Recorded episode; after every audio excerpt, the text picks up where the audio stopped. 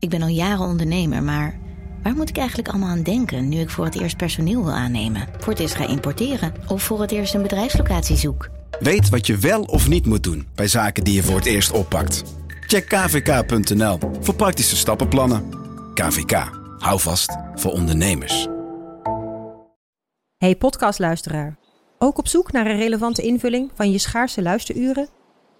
Tune dan in op de podcastserie ESG, even samengevat van BNP Paribas. Wij, Marloes en Aldert, spreken daar duurzame voorlopers en wereldverbeteraars. Waarover dan? Nou, bijvoorbeeld of we ooit duurzaam kunnen gaan vliegen. En waarom koeien in de stad nou een goed idee is? Dat en meer elke twee weken in een nieuwe aflevering. Dus abonneer je. ESG, even samengevat.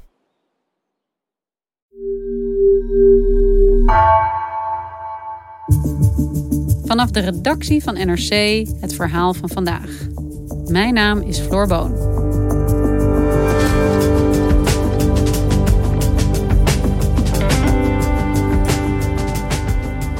Werkdagen van 20 uur zonder salaris, vernedering en geweld. In Libanon worden arbeidsmigranten op grote schaal uitgebuit. De economische crisis en corona verergeren het probleem. Maar de Libanese middenklasse is verslaafd aan goedkoop personeel, ziet correspondent Melvin Ingleby.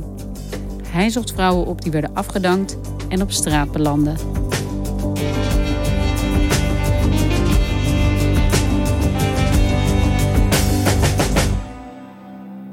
Een maand geleden was ik uh, s ochtends vroeg op een begraafplaats in het hartje van Beirut.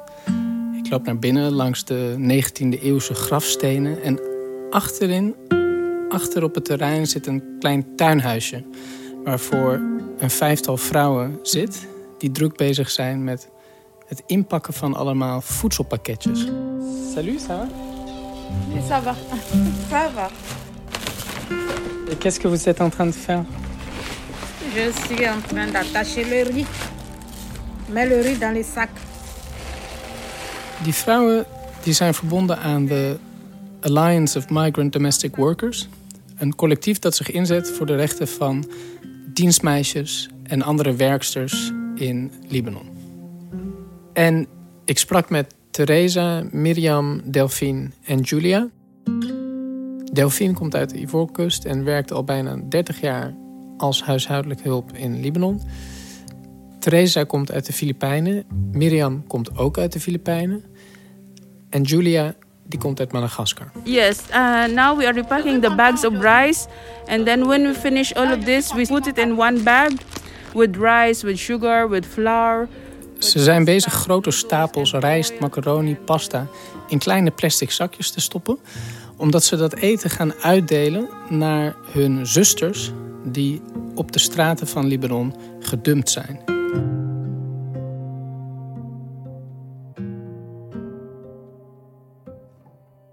En waarom zijn deze vrouwen op straat gezet? Nou, sowieso kunnen in Libanon dit soort dienstmeisjes op ieder moment op straat worden gezet. Maar tegenwoordig zijn het er wel heel erg veel. En dat komt door een zware economische crisis in het land. En ook door de coronacrisis. Waardoor heel veel Libanezen ofwel geen schoonmaaksters of uh, hè, personeel van buitenaf in huis willen hebben, of ze niet meer kunnen betalen. En deze vrouwen zijn eigenlijk het enige vangnet voor al die dienstmeisjes die nu in Libanon gedumpt worden. No, nobody give them food. Only uh, our group divide the food for them.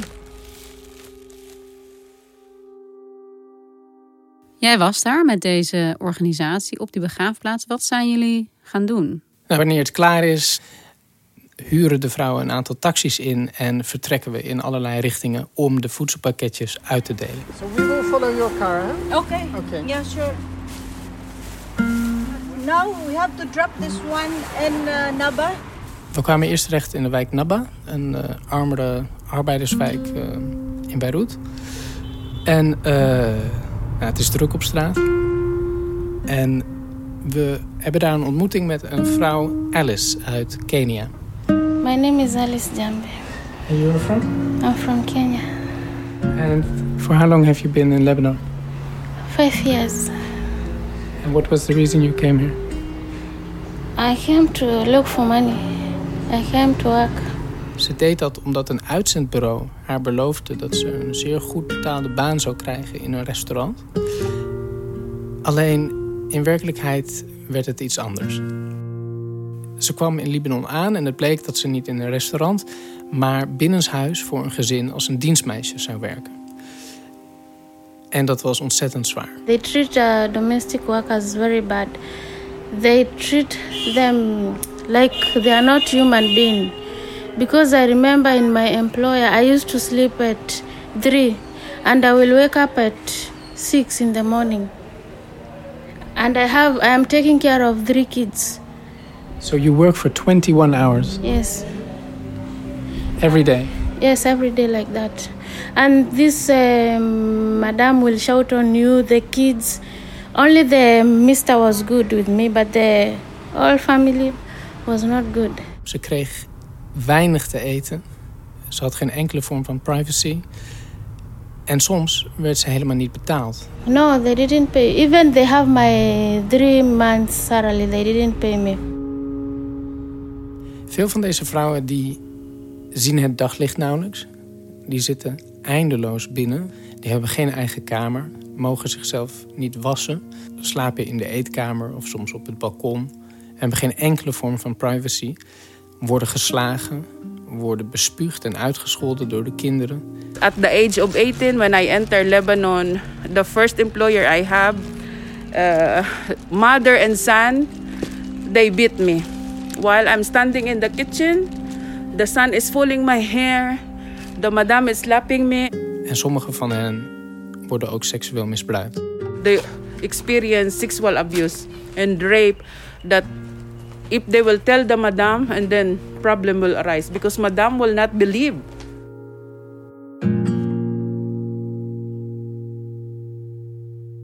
In Libanon heb je enkele honderdduizenden van dit soort dienstmeisjes. Officiële cijfer ligt op 250.000. Maar volgens sommige belangenverenigingen gaat het echt om bijna een half miljoen. En ze komen uit allerlei landen. eh, uit Ethiopië, andere Afrikaanse landen, Sri Lanka en de Filipijnen. En heel veel van hen verdwijnen in een bestaan zonder enige vorm van arbeidszekerheid, zonder sociale rechten en vaak dus ook zonder salaris.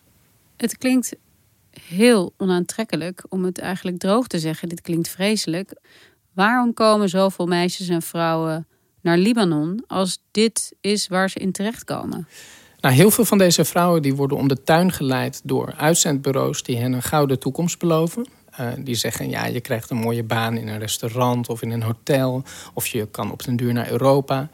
En heel veel vrouwen trappen daarin. En ze belanden in een systeem waar ze geen enkele rechten hebben. Een systeem dat eigenlijk neerkomt op een moderne vorm van slavernij. Yes, it's like slavery. Because you're working 24-7. Yeah. En dat systeem dat heet kafala. Wat is dat, kafala? Kafala betekent in het Arabisch sponsorschap. En het is een systeem waarbij een gastheer of vrouw in Libanon in dit geval de sponsor wordt van een buitenlandse arbeider.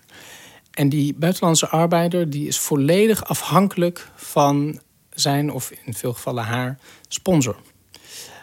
Dus dat betekent dat de verblijfsvergunning van deze dienstmeisjes bijvoorbeeld afhangt van die sponsor. In feite dat ze verkocht worden aan die sponsor in dat land van herkomst. En dit systeem dat wordt niet alleen in Libanon gebruikt, maar op heel veel plaatsen in de Arabische wereld. Met name in de Golf en in Saudi-Arabië. En er gaan echt miljarden in om. Nou, de sponsor die komt je ophalen op het vliegveld op het moment dat je het land binnenkomt. Dus al je bewegingen in Libanon worden gecontroleerd door de sponsor. Je bent in feite een soort lijfeigene van deze persoon. they think that migrant domestic workers, especially under their, their name, it's like they own you, that they can do every, anything they want from you. This is the bad that the bad situation of those migrant domestic who are working with this kafala system. En waarom, Melvin, vindt er dan zoveel uitbuiting en geweld plaats? Want uiteindelijk zijn dit mensen waarvan deze sponsoren willen dat ze voor hen werken. Hè, De mensen die zij willen dat hun hun een dienst verlenen, die maken ze stuk. Ik denk dat het deels te maken heeft met racisme. Er bestaat ontzettend veel racisme, zeker tegen de Afrikaanse vrouwen. Het heeft te maken met een cultuur waarin het normaal is om dienstmeisjes te hebben en bediend te worden. Want in Libanon is dit echt niet zozeer iets voor alleen de allerrijkste, maar ook echt iets van de, van de middenklasse. Ik zie het zelf ook als ik bij vrienden langs ga. Gewoon vrienden waarvan ik dacht dat dat hele sympathieke mensen waren. Uh, die het het beste met andere mensen voor hebben. Maar als je dan bij hen op bezoek gaat, zie je ineens achter in de keuken een jonge vrouw uit Ethiopië, uit Nigeria, uit Kenia. En dan zie je dat je Libanese vrienden deze vrouw verschrikkelijk behandelen. Dat ze haar afblaffen, dat ze haar niet in de ogen aankijken. En ik heb het ook gevraagd aan, aan die vrouw met wie ik sprak: van hoe, hoe verklaar je dit dat mensen jullie zo behandelen? En Theresa die vertelde mij: het is omdat de Libanezen verwend zijn. En dat is natuurlijk een beetje generaliserend, maar er zit wel wat in. Maybe you, you can find few families that they are decent people, but most of them, even kids, and you know, when they come uh, in a rich family, they are all brats. Mm-hmm. And they don't care because you are there to work for them. They are paying you, so you have to follow. Hé, hey, maar Melvin, een systeem dat zo ouderwets is en tot misbruik leidt. Is daar geen verhit debat over in Libanon? Nou, die is er wel in de Libanese samenleving. Dat mensen zich realiseren dat dit zo niet langer kan. Zo heeft bijvoorbeeld ook de oud-minister van Arbeid vorig jaar het kafala-systeem een vorm van moderne slavernij genoemd, zelf, hè, de minister. Er werden pogingen tot wetswijzigingen gedaan dit jaar. Lebanon's labor ministry has adopted a new unified labor contract that's mandatory for migrant domestic workers. Maar eind oktober zagen we toch weer dat die van tafel werden geworpen nadat de lobbygroepen van de uitzendbureaus daar een stokje voor staken. Dus de mentaliteit verandert misschien een heel klein beetje, maar dit systeem blijft echt nog wel bestaan. En hoe is het Alice in de tussentijd vergaan? Op een gegeven moment, nadat ze een aantal maanden haar salaris niet had ontvangen, heeft ze de benen genomen en is ze ontsnapt. En sinds zij is weggelopen van haar werkgever, moet ze zien te overleven met parttime schoonmaakwerk. En dat is niet alleen heel zwaar en slecht betaald, maar ook nauwelijks meer voorhanden vanwege de coronacrisis. Right now, the situation is hard because I cannot get the money I came to look for because of this crisis. So we are not able. I'm not able to send money. Now I regret why I came here because now I cannot send that money. Dus vertelt Alice me dat ze nu al drie maanden achterloopt op de huur. En dat ze sinds kort zelfs niet meer genoeg geld heeft voor eten. Dus vandaar dat zij ook zo blij was dat die vrouwen van de Alliance of Migrant Domestic Workers bij haar op bezoek kwamen om die voedselpakketten af te leveren. Maar uiteindelijk hebben vrouwen als Alice, die misschien het lef hebben of de mogelijkheid om te vluchten uit dit, dit systeem van moderne slavernij, die kunnen alleen maar leunen op maatschappelijke organisaties die zich inzetten voor hun welzijn. Ja, alleen zie je dat nu dus heel veel van die maatschappelijke organisaties de enorme hoeveelheid aan leed en problemen niet meer aankunnen. Ineens kunnen veel Libanezen hun dienstmeisjes niet meer betalen en worden zij dus op straat gezet of rennen ze weg omdat ze hun salaris niet krijgen. Dus in de straten van Beirut zie je op dit moment ook heel erg veel jonge vrouwen uit Afrikaanse en Zuid-Aziatische landen die rondzwerven, die bedelen, die kamperen voor de deuren van consulaten in afwachting van een uh, reisdocument om weer terug naar huis te kunnen. They're throwing them out as if they're garbage. Some of them haven't been given their salaries in years and the Ethiopian embassy is absent. These women say they are trapped between a government that's abandoned them and a country that offers no protection. Dus een probleem wat eigenlijk heel lang ja, misschien onzichtbaar was, omdat het zich maar voornamelijk afspeelde in de huizen van die sponsoren, hè, waar, waar, waar vrouwen worden opgesloten, is misschien nu wel ineens ook heel zichtbaar geworden. Ja, ik denk dat meer dan ooit eigenlijk nu de Libanese samenleving geconfronteerd wordt met de enorme uitbuiting waarop heel veel van die huishoudens draaien. En dit leed is niks nieuws. Maar ineens ligt het gewoon op straat, letterlijk. En sommige van deze vrouwen die zijn zo ten einde raad dat ze ook zelfmoord plegen.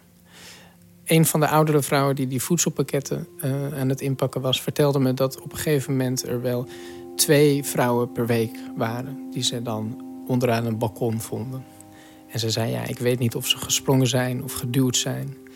Andere vrouwen die um, hangen zichzelf op. So your isolation will drive you to, like as you mentioned, you were asking about what drives them to kill themselves.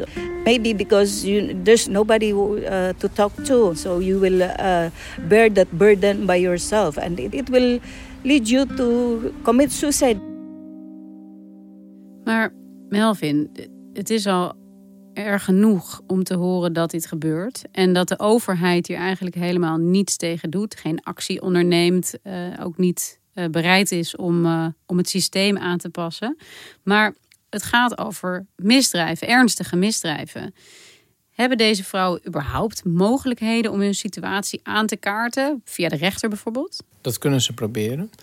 Maar een van de vrouwen met wie ik sprak, Theresa, die zei dat ze in de 29 jaar dat zij in Libanon werkt, nog nooit een Libanees die zijn of haar dienstmeisje misbruikt heeft, voor de rechter heeft gezien. I've been here for a long time. I haven't witnessed that there is someone or a couple that is uh, charged the case in the court. That I will see it on my own eyes and I will believe. In these 29 years. Yep. Er is een enorme straffeloosheid, maar er zijn wel initiatieven die daar iets tegen proberen te doen. Zo heb je een organisatie die heet This is Lebanon. En die is opgericht door veel voormalige dienstmeisjes... die nu op allerlei andere plekken in de wereld wonen... en online een campagne zijn begonnen... om de misbruikers van die dienstmeisjes in Libanon te outen. Dus om hun profielen en hun naam en foto op sociale media te zetten. Dus Eerst benaderen ze de misbruiker. Hi. Hallo. Hi, Patricia here from This is Lebanon.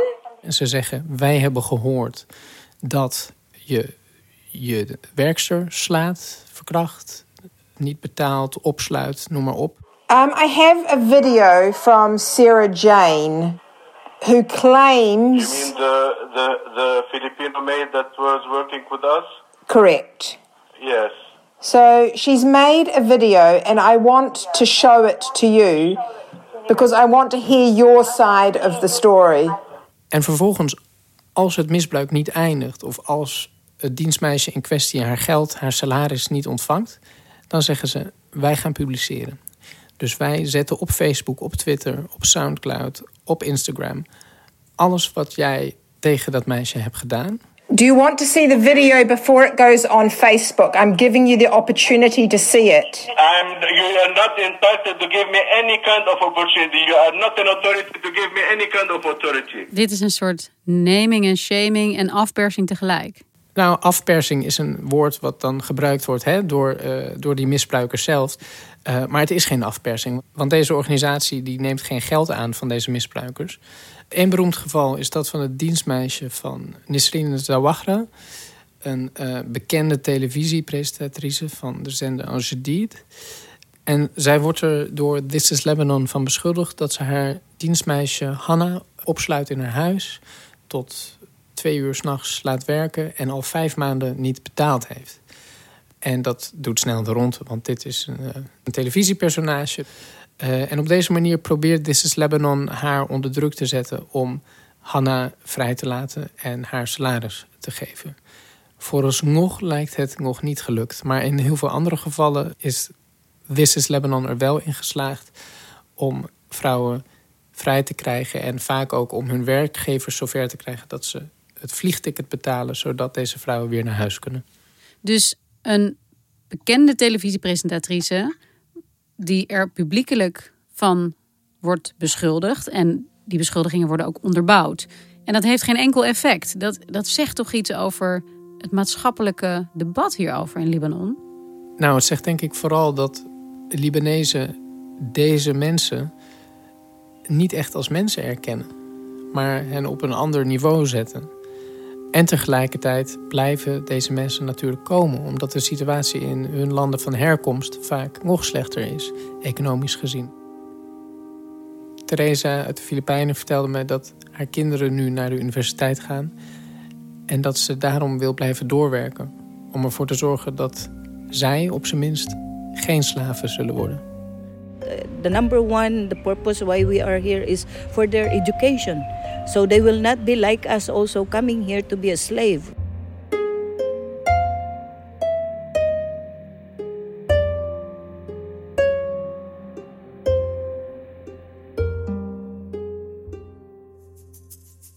Dankjewel voor je verhaal, Melvin. Graag gedaan. Je luisterde naar vandaag, een podcast van NRC. Eén verhaal, elke dag. Deze aflevering werd gemaakt door Felicia Alberding en Ruben Pest. Chef van de audioredactie is Anne Moraal. Dit was vandaag. Maandag weer.